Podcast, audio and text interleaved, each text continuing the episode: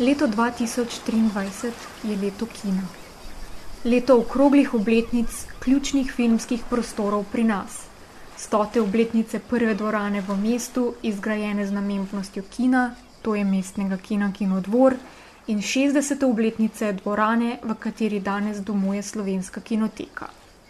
Tukaj ste tudi 20-letnica Art Kino mreže in 15-letnica javnega zavoda Kinodvor.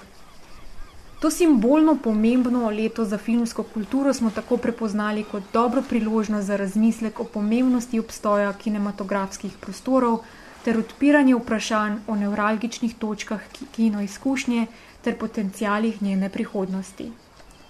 Letošnja poletna serija podcastov, zbrana pod imenom Kino Paradiž, se bo tako ukvarjala z vprašanjem novih načinov gledanja, prepletom kritike in kuratorstva oziroma oblikovanja filmskega programa, redefinicijo kinematografov skozi minulo stoletje in upetostjo ter vplivom tehnoloških sprememb na izkušnjo kina. Spraševali se bomo o temeljih gledalske izkušnje in razmišljali o sedanjih in bodočih kinoobčinstvih. Kaj danes pomeni hoditi v kino in kakšna je naša kinokultura? Kako se tradicija, tehnologija, zgodovina in izkušnje kina prepletajo z razvojem in obstojem filmske misli. K dialogu smo povabili glavne akterje, ki ustvarjajo našo kino izkušnjo in pri nas vzdržujejo visoko raven kinokulture. To so kuratorji filmskih in festivalskih programov, kinooperaterji, blagajniki, biljeteri, direktorice kinematografov ter redni obiskovalci kina, ki iz pozicije gledalca so ustvarjajo kinoprostor in izkušnjo.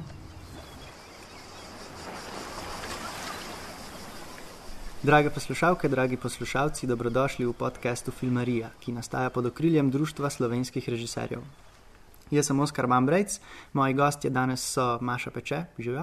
Živijo. Varja Močnik, živijo. In pa Matej Žerman. Živijo. Sicer verjetno ne rabijo posebne predstavitve, ampak vseeno bom naredil malo voda, če nas posluša kdo, ki ni iz filmske sfere.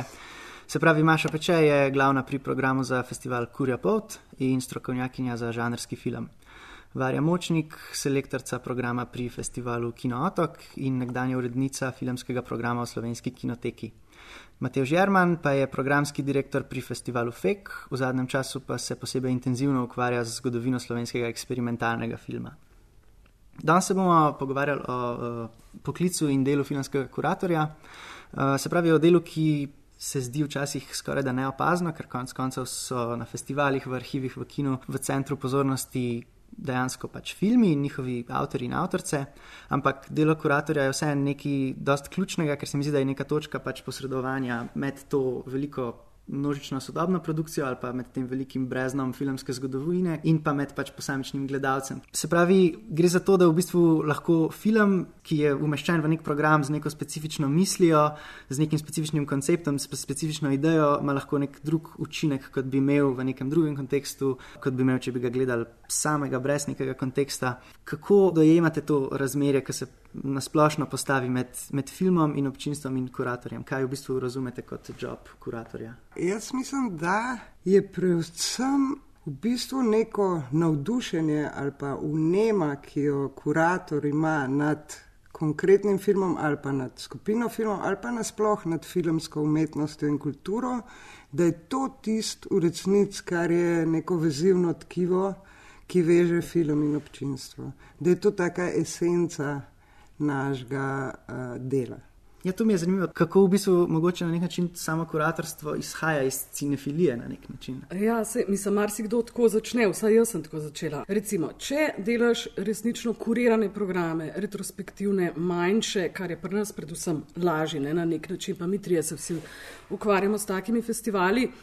Si mogoče tudi začel s tem, da si hodil na takšne festivale ali pa na takšne programe, kjer je nekdo, ki je bil tvoj so mišljenik na nek način, a ne kuriral neke programe, ki so te ustvarjali, nek totalen trip. Pa to ne pomeni, da ste bili na koži pisani, ampak da so te recimo lih premaknili, da so te presenetili, šokirali.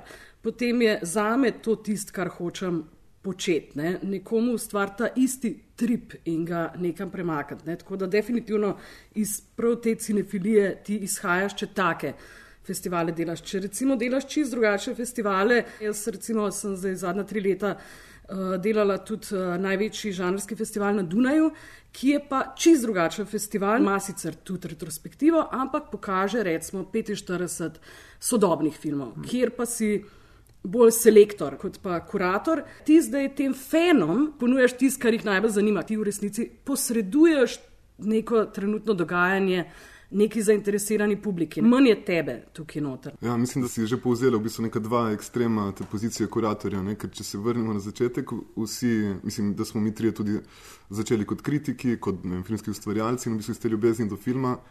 Imaš ta privilegij, če lahko neke filme, ki so tebi ljubi, predstavljaš občinstvu in to je ena pozicija. Potem je to, kar ti praviš, ko pa je ta odgovornost, kontekstualizacija in posredovanje nekih določenih vsebin, ko mogoče ni več toliko samo tvoja lastna intimna pozicija, ampak je tudi ta neka širša odgovornost. Meni se zdi, da ja. je intimna pozicija bolj odgovorna. Bolj moš razmišljati o svoji odgovornosti, kot pri tej, uh, kjer si selektor, po mojem mnenju. Ne? Zato, ker kjer si selektor, se ti v resnici skozi navezuješ na to, poglej, ustvarjalci so tole letos ustvarjali, to je bilo na tržnicah, iz tega lahko izberamo. Vse, kar jaz naredim, je, da izberem ta boljše filme, čež da, čež da je tle ena objektivnost zraven. Medtem, ko ti delaš male, kurirane programe, je pa to čisto subjektivno, je ta odgovornost na tebi, tako da je na nek način, po moje, večja. Ne? To je še nekaj, kar se mi zdi zanimivo vprašanje. Ne? Uh, kakšno je to razmerje nekega subjektivnega okusa, pa, pa tega, kako ti pa izbiraš neki? Ne? Ja, celo kino otok je dober primer, ki bi lahko bilo vse po mojem okusu, pa valjda, da ni. Mislim, jaz mislim, da je okus nekaj, kar bi bilo treba skrajno zanemariti. S tem, da tega ne moreš narediti. Ne? Mislim, je treba poleg čustev vklopiti tudi uh, intelekt, razmisliti v kontekstu. Ker seveda imaš ti tudi programe, ki lahko absolutno po svojem okusu kažeš filme in tudi super, da je ja, ne? ampak če pa delaš nek eh, večji zbor, pa za neko širšo publiko, moraš pa vedno razmišljati o širših kontekstih časa in prostore. Publika ni ena, ne? ni en. Potrošnik, ne, ne? Ja, val, ja. ampak je, so ljudje in je treba misliti na različne skupine in na različne publike. Tvoj okus se vedno umešava, not. ampak hkrati imaš pa ti tudi druga načela, po katerih delaš, ki so meni se zdi veliko bolj pomembna kot tvoj mm -hmm. okus. Mene bi zanimalo, da nekako gremo posamično do, do, do vsakega festivala, pri katerem delate, pa se nekako vprašamo, kaj so te specifike, uh, pa če točno pri tem začneva. Zanimiva mi je kurja pot, specifično v slovenskem prostoru, ne, ker nimamo toliko kinov, nimamo toliko posebej žanrskih kinov, kot recimo, ko sem bil v Münchenu nekaj, nekaj časa imaš to sceno, da je en kino, ki vsak petek in soboto zvečer kaže Rocky Horror Picture Show in to je od polnoči do pol dveh. In recimo, ne, če, če imajo zdaj oni tam nek festival, nima nobenega smisla, da pokažejo neke te, neke te klasike. Ne? Medtem ko pol, uh, si predstavljam, da je vseeno, recimo, če ti sestavljaš program žanrskega filma tukaj v Ljubljani, kjer to ni neka uh, stalnica, recimo.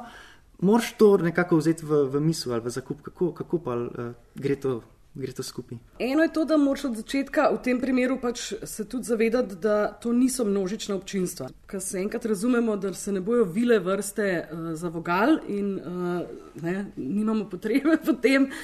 Pol pa razmišljaš o programu. Ti imaš festivale, recimo žanrskega filma, ki si večinoma po svetu rečejo festivali fantastičnega filma in se koncentrirajo na uh, horor, se pravi na grozljivke, na znanstveno fantastiko, na fantasy, na take, recimo, bolj popularne, pa uh, v dobrem smislu mainstream, samo po mhm. številčnosti, pač recimo pripadnosti žanre. In so to festivali, ki veliko stavijo na to, da imajo nek fandom.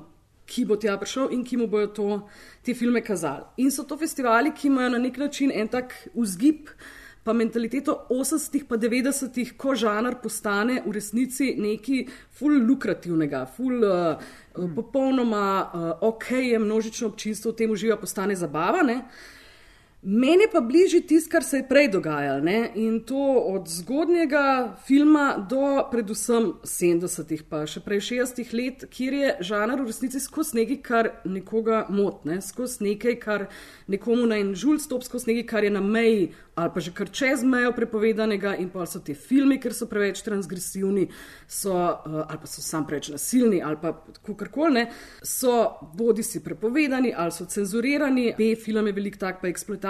Mene ta vidik veliko bolj zanimiv in se mi zdi, da je tudi naši publiki, pa našemu kontekstu, mogoče bližji, ker je vse naša filmska publika. Uh, je mogoče bolj intelektualna, ali pa mogoče tudi, če gleda zabavne filme, bi jih raj doma, kot pa v filmskem kontekstu. Medtem ko je težke filme, pa tudi zamorjene filme, ful dobro gledati v tem kolektivu kina. Ne? Mm. To se nekaj čist drugega zgodi. Ne? Jaz jih sicer rada tudi doma gledam, ampak obožujem jih pa v kinu gledati.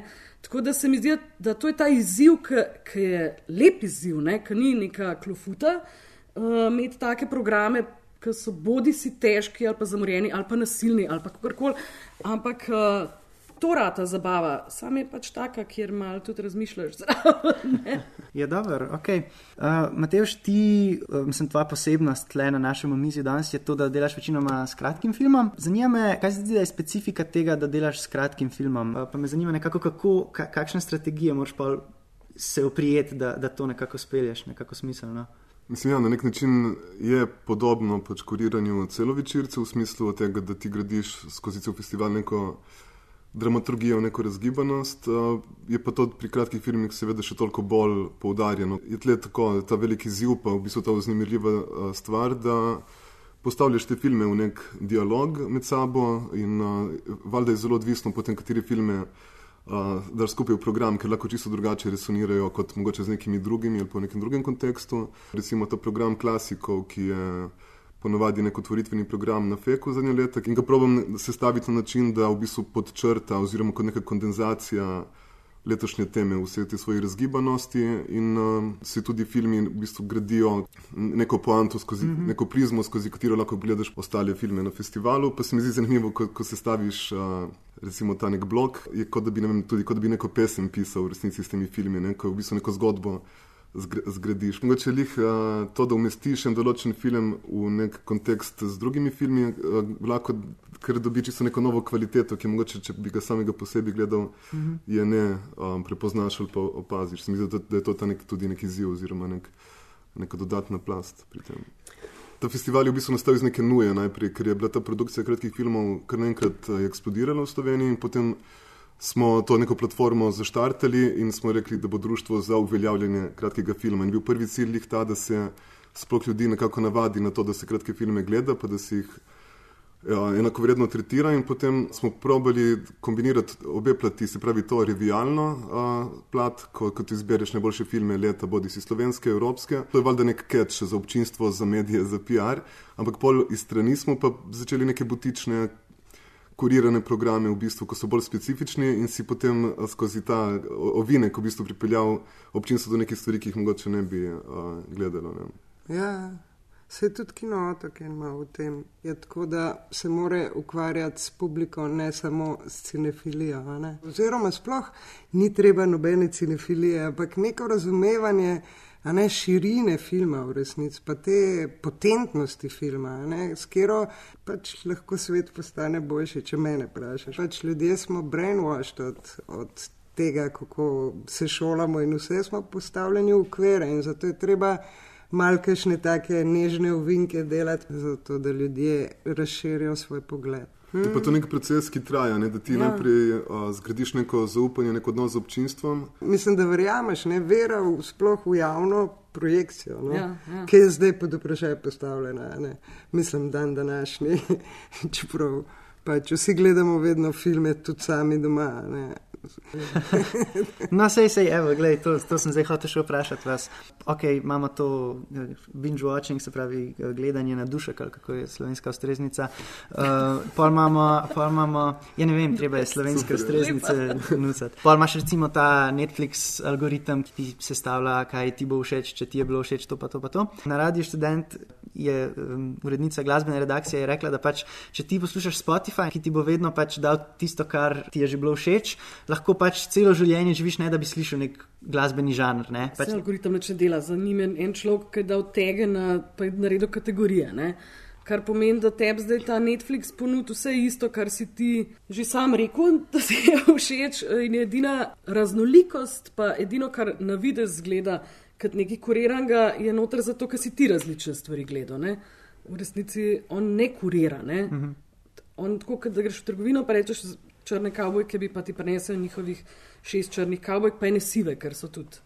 Tako daleč gre ta algoritem, v, se meni zdi, ne? se jaz pa tudi Netflix povem, kaj mi ponuja. Uh -huh. Točno tisto, kar sem prejšnji teden, ampak tudi tisto, kar sem predlan. Tako da polno vidi zgleda, da.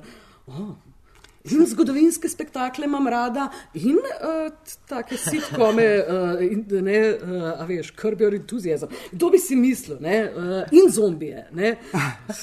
Jaz bi rekla, da algoritmi ne, imajo veliko več veze z splošno vem, stanjem družbe zdaj, kot pa sploh s filmsko ali pa televizijsko kulturo.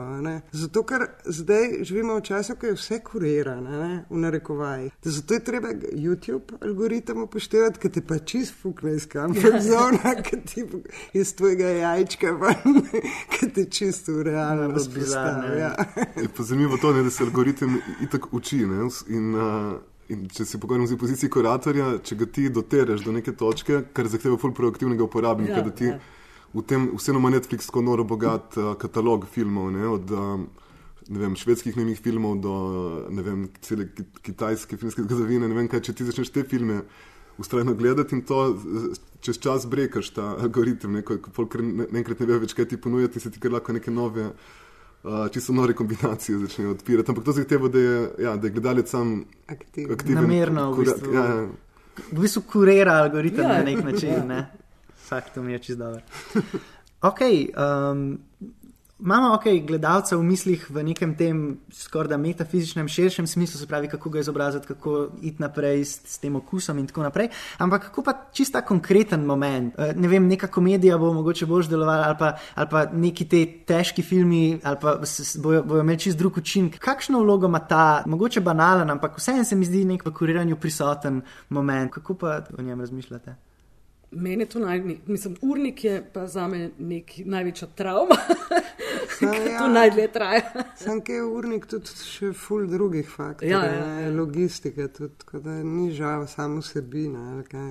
Pač, eh, jaz sem tak samodržec, ne? to so filmi, ki Ne, jih jaz sicer z neko odgovornostjo zberem, uh, pa zelo jih iščem, ne, zato ker so filmi, ki jih je težko najti, tako da to je spet en drug pol uh, tega kuriranja. Uh, ampak uh, sem lahko vse, imam fulene svobode v primerjavi recimo z varino odgovornostjo uh, na kinotoku ali pa z Matejoževo, ker imata oba veliko sodobne produkcije, kar pomeni, da morate vse tudi nekako drugače razmišljati, ne, uh, kot če imaš večinoma retrospektiven program jaz pač spet iz sebe izhajam, kaj bi jaz gledala. Ne? In skozi si predstavljam, da morajo biti to sami fanatiki, ki bojo seveda gledali cel dan. Ne? Ker v tem je point, da če jaz pokažem 19 filmov, to, so, to je 19 fantastičnih filmov. Meni je zelo težko v teh 19, kar je full mal, ampak to je največ, kar lahko en teden dam, ne da bi čist zgubila publiko. Mm -hmm. Meni je zelo težko, da ti je noter en brezvezen film, samo zato, ker bo v petih popoldan. Ne? Tako da to so hude bolečine. Ne? O tem jaz ogromen razmišljam, ne? kaj najprej gledaš, pa kaj pol, pa kaj v soboto gledaš, pa kaj v četrtek gledaš. Ja, tudi hočeš pošerati več kot samo feel good. Čeprav hočeš tudi to, seveda. Mm -hmm. To je ful zanimivo, kljub dolgoletnim izkušnjam, te včasih ful preseneti ne, reakcija publike na kakšen film, kot ja. sploh ne pričakuješ, recimo, ali, pa, ali pa kontra, ne, kje bi pričakoval, da bo pa to ful palo na ta ali drugačen način, pa ker ni reakcij in je toliko enih faktorjev, ki so od zadaj za tem. Ne, in um, včasih je odvisno že od te režije, kako ti program, mislim, pri kratkih filmih malo drugače, ko imaš recimo. Neko težko dramo, pol pa vrješ notirano komedijo in je mogoče ta podlaga vpliva, mogoče vpliva, kdo je v publiki. Recimo na kinotoku mi je čisto presenetil odziv občinstva na, en, na eno animacijo, ko so ljudje jokali od smeha. In potem je bila ena gospa, ki si je od zadaj tako najbolj divje režala in je to kar sprožilo pol. Neko kolektivno reakcijo, tako salve smeh in kar enkrat tako stoječe ovacije, skoraj na koncu, samo zaradi tega določenega konteksta. Recimo. Pa zdaj tudi vem, en kratki film, ki gledam zdaj selekcijo za fek, en dokumentarec, ki bo full zabaven. Recimo, si predstavljam, da bo to z občinstvom noro delovalo, pa da ima tak kulten potencial, ampak spet nikoli ne veš, da res lahko predvidevaš, ampak uh, včasih te pol presenetijo ne, te, te mhm. odzive. Uh, jaz bi zdaj mogoče še moment se vrnil uh, k festivalom in sicer uh, Kino otoku. Tudi jaz, ko sem razmišljal, kako bi pač Kino otok opisal, pa sem bil tako, ne vem, art, art film, umetniški film, eksperimentalni, tudi v to, skoraj da eksperimentalni v to smer, pa se mi je tudi zdelo nekako preosko, pa sem pa bil sam tako, to je nekako, kako bi rekel, ne mainstream, pač vse, kar je, vse, kar je nekaj, nekaj zanimivega. Ampak sem te hotel vprašati, kako čisto konkretno izgleda tvoj izbe, iz, izbor? Jaz bi sam začela s tem, da je mainstream mogoče tudi ni čisto prava beseda, zaradi tega, ker mi bi z veseljem tudi kakšen mainstream film pokazali, zlasti evropski, recimo, ali pa azijski, ali pa tako pač ne bi mogoče super enako zdaj. Ampak v smislu, kako je kino otok pozicioniran v to neko slovensko pa regionalno sceno, je pomemben, da kažemo take filme, ki jih kažemo. In tudi, recimo, vem, evropski mainstream se pokaže v kinodvoru, a ne se pokaže na Lifu. Tako, tako da tukaj ni naša funkcija tako zelo taka, ampak ne pa, da mi se odklanjamo, se, mm -hmm. ker uh, nas zanima v resnici prav to, kar sem že večkrat podarila, kaj vse film lahko je in da je to treba predstaviti uh, ljudem. Zdaj, konkretno pa to zgleda, da ja, je zelo zmeden, pa histeričen, zaradi tega, ker je res toliko filmov za videti. Uh, jaz manj, recimo, hodim po festivalih, kot bi, po mojem, mogla.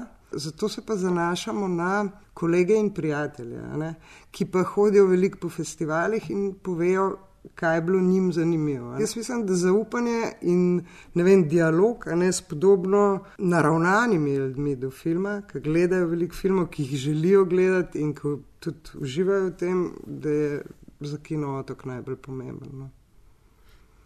Da je ta skupnostna zadeva tudi v programiranju. Mhm. Vsi se nas te svoje kolege, predvsem iz tujine, tudi, ampak tudi doma, ne.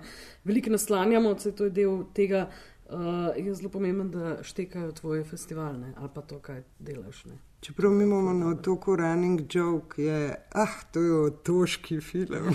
Ker tako potem se vprašaš, in kaj je to, kaj je ta otoški film? film? In pač bi bilo sto pogledov na to, ne, ampak ja. Zdaj sem pa hotel še, uh, Matej, še tebe nekaj vprašati. Se mi zdi, da glede na to, da je Rifeko kratki film, ne, imaš tudi en kup uh, mladih avtorjev, kar pa pomeni, da se mešajo neki pač totalni profesionalci s tako nekimi, nekimi mladimi avtorji, ki delajo svoj prvi film, pa je mogoče tako dosti velikega pomena za nje, um, zdaj, kako, ka, kakšna je neka ta reakcija, pač pridejo na festival, a ne, ali pridejo vem, v drugi val. Zanima me pač, kakšna je nek ta moment odgovornosti do lokalne scene, ali kako bi rekel temu. No? Hvala za vprašanje to je mogoče najbolj triki. Part pri vsem skupaj. Ne? Ker se pravi, Fek je začel tako, da se je v bistvu gradila neka skupnost in je bilo tudi ful pomembno v štartu res uh, gojiti neko inkluzivnost in uh, vključevati neodvisno produkcijo, um, avtorje, avtorice, ki se mogoče na neke nenavadne načine um, ukvarjajo s filmom ali pa ko že povezujejo, ne vem neke izhodišča sodobne umetnosti, pa filma in tako naprej. Valjda je bilo to pomembno tudi zato, da v bistvu te, te avtorje in avtorice pridejo in potem gledajo tudi ostale programe in se na ta način potem mogoče tudi navdihujejo, rastejo in tako dalje. In je zanimivo tudi to, da v bistvu da skozi leta, drugo leto bo deseta edicija že, se je zgodilo, da so ne vem, mogoče neki gledalci ali pa prostovoljci, ki so hodili redno na feks, so začeli tudi ustvarjati filme, jih prijavljati ali pa eni so tudi nagrade dobili in tako naprej. In s časom se je ta inkluzivnost valjda mogla malo tudi omejiti, ne? tako da smo potem uh, se odločili, da bomo imeli tudi dva pregledna programa, panoramo, uh, drugi val, ki v bistvu te neke vznemirljive filme, ki mogoče so hodijo po robu tekmovalne selekcije vseeno uh -huh. najdemo nek prostor, ker se nam zdi jih pomembno uh, pokazati in spet te avtorje vključiti nekako v festival. Je pa to vedno, pa vedno težja naloga, v bistvu, ker, kot si rekel, za razliko vem, od festivala slovenskega filma, ker imaš ti vem, študentski program, ja. pregledni, tek, tekmovalni, potem so nagrade za animacijo, za eksperimentalni film.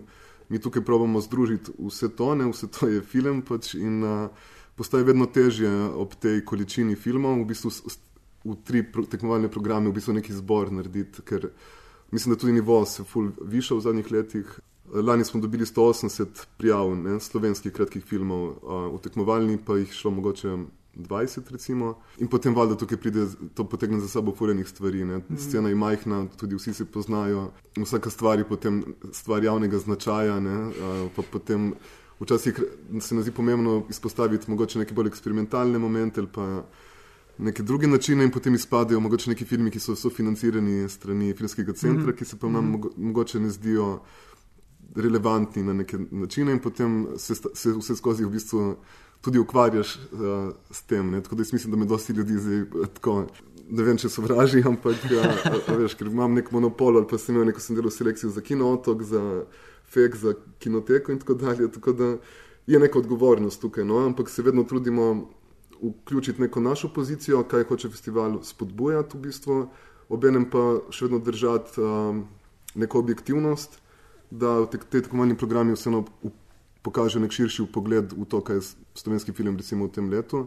In se mi zdi tukaj tako, da včasih se moraš tudi neko svoj osebni okus dati na stran in prepoznati pač neke kvalitete v nekem filmu, ki mogoče ti ni osebno blizu, ampak se ti zdi pomemben, da se ga javno pokaže in da v ta nek širši kontekst štekam. Bomo šli počasi proti koncu. Hotel sem sam še uh, postaviti eno vprašanje glede arhiviranja, pa glede kanona. Kinoteka vem, da ima te situacije, ko mora pripraviti nek program, ki bo pol šel v tujino in bo predstavil slovenski film, recimo z vem, Sparcelo večerci ali pa z nekim programom kratkega filma. Ne? Se mi zdi, da gre vseeno um, za nek ta moment, da je to, kar je pokazano, je kanon ali pa to, kar je arhivirano, je vsaj pomembno, če že, če že ne nujno kanon. Ne? Ja, jaz mislim, da je fully razlika med kanon in pomemben.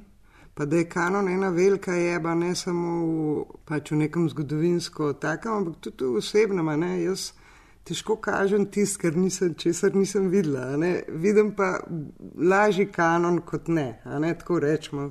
Sploh za zgodovino filma to velja. Mm. Ker ni recimo festivalov zgodovine nekih nacionalnih kinematografij, pa to imaš pa posamezne festivale z, z arhivskimi ali pa zgodovinskimi filmi. Ampak sem, da se vrnem. Veš kaj, jaz mislim, da je spet ful, odvisno od trenutka, v katerem delaš program. Jaz bi recimo rekla, prej, ko sem bila sama v kinoteki, smo manj hoteli kanon nakazati, pa smo imeli tudi manj gledalcev. Mhm. Ti veš, da kažeš kanon, takrat, ko imaš polne dvorane, ker ljudje hočejo gledati tisto, kar poznajo. Ampak glih to je treba zdrmati, mislim, to je ja. naša želja ne zdaj samo v filmskem pogledu, pač vse v svetu bi bilo treba zdrmati, da bi se kaj popravilo. In tako da seveda je neka kombinacija pol potrebna in neko subtilno, samo zakaj bi ti hotel nategvati ljudi, da bi jim nekaj dokazal, ne deluješ tako, ne? čeprav ja, si kdaj lisjak. Glavna poanta je, da kanon ni zaključena celota. Mhm. Tako da s kanonom, če mislimo, da je zaključena celota, pol je to full problem. Mhm. Če pa mislimo, da ni zaključena celota, pa je pa kanon čist čudovita stvar. Ne? In vsi hočemo tudi kanonske filme gledati in v njih uživamo na polno. Point je samo to da, to, da je to stvar, ki je skozi pod revizijo, ne revizijo, dodajanjem. Recimo, ker mi nočemo zdaj enih filmov dekanonizirati, ne? ker ne bi imel noben več od tega. Gre za to, da ti razširjaš to. In to je tudi naloga ne, kinotek uh, in arhivov in muzejev, da seveda kažejo kanon, ampak zraven morajo nujno kazati programe, ker oni so ta uh, edukator. Ne? Morajo nujno biti tam podkovani kuratori, ki kažejo obenem to, kar bi še moralo biti v kanonu, pa še ni. Če, če, če povežemo oba vajna pointa, bi se mi zdi, da bi se dalo reči, da je v bistvu kanon problematičen ravno v tem, ko se ga tretira kot neko stalno zaključeno. Um, Enotno stvar. Ampak mi je zanimivo, da si, da si izpostavlja res ta moment odprtosti kanona pa dodajanja, ker se mi zdi, da je ravno uh, kurja pot, ali pa sploh mogoče žanrski film nasploh, mogoče, da ima neko to vlogo, neke, vsaj, čim, vsaj, vsaj najmanjše subverzije tega, eh, te, te, te kanonskosti. Ja, dobro, meni se zdi, da lahko našo debato počasi zaključimo, razen če, če ima kdo od vas še kakšen point, ki ga morate povedati. Uh, potem pa. Se nismo o piratstvu pogovarjali. O piratstvu se nismo pogovarjali. Ja. Okay. Uh, ja, dajmo pa še, še to temo uh, odpreti na koncu. Če ni treba. Mislim, tako, sem tako nekaj, je to kontekst, ne, ja, ja, vprašanje, ja, ne. Če mi hkrati smo ne, nekako nosilci ideje skupnostne izkušnje gledanja, ne, kaj si mislimo o piratstvu super je piratstvo, če me ne vprašaš. Pač se... To je ta dobra alternativa uh, tem. Video, a, čemu? Tem algoritmom. ja, ja, pa videotekam, ki jih ni več. No, pa si zelo enostavno. Dilema je samo med tem, a, a, videti film ali ga ne. In če piratstvo mogoče, da ti nekaj absolutno, vidiš, je, je to absolutno pozitivna ja, stvar. Pač, Točno tako je. Sam pa, ki ti je super Prid še enkrat v kino gledati, ne? zakaj, zakaj ne? Ja, ampak to, če govorimo iz naše pozicije, ne zdaj pa, Naše, v svojega nekem. joba ne predstavljam brez, eh, brez tega. Ne? Ja, A to pa itek, ja. Pa ne samo mojega gledanja, ampak dejansko, se ne vem, a to smeš reči, ampak dejansko ne bi mogli izvajati festivala. Recimo, če živimo v državi, kjer moraš po zakonu prevajati vse filme, uh, a naročim vse te blureje uh, po Amazonu iz Nemčije pa, ali pa iz Anglije, pa uvozni davek plačam, zato da potem lahko za vas te enormne vsote ni- enkrat predvajam film. Sloven- Se mi je super, da ga predvajam slovenskim, pa da bi si sam denarja nimam za to, ne v resnici. Tako da Ja, pa velik črp privatizacije je to, ne, da v bistvu malo, mislim, so področje na svetu, kjer dobesedno nimaš pogojev, da bi filme gledal v ja. kinu in kuriral. Tako da je piratstvo v tem smislu mogoče edini način, da se, ne vem, bodi si kanoni ali pa potem neke razvite, mislim, In cinefilija. in cinefilija razvija. Ja. Pač, ja.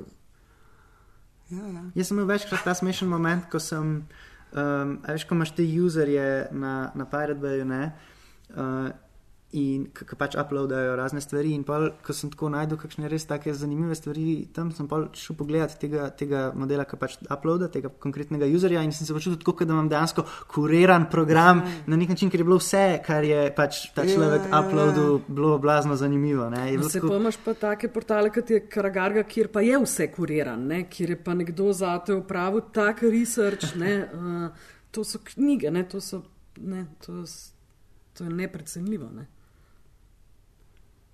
Dobro. Uh, potem pa, eh, če smo zdaj še to perečo temo piratstva, uh, ob, kateri, ob katerem očitno Gusarska vsi gusarsko, uporniško uživamo. Če smo to obdelali, potem pa nič. Hvala, da ste nas poslušali in lepo poletje. Se vidimo v kinu. Čau. Hvala, Oskar.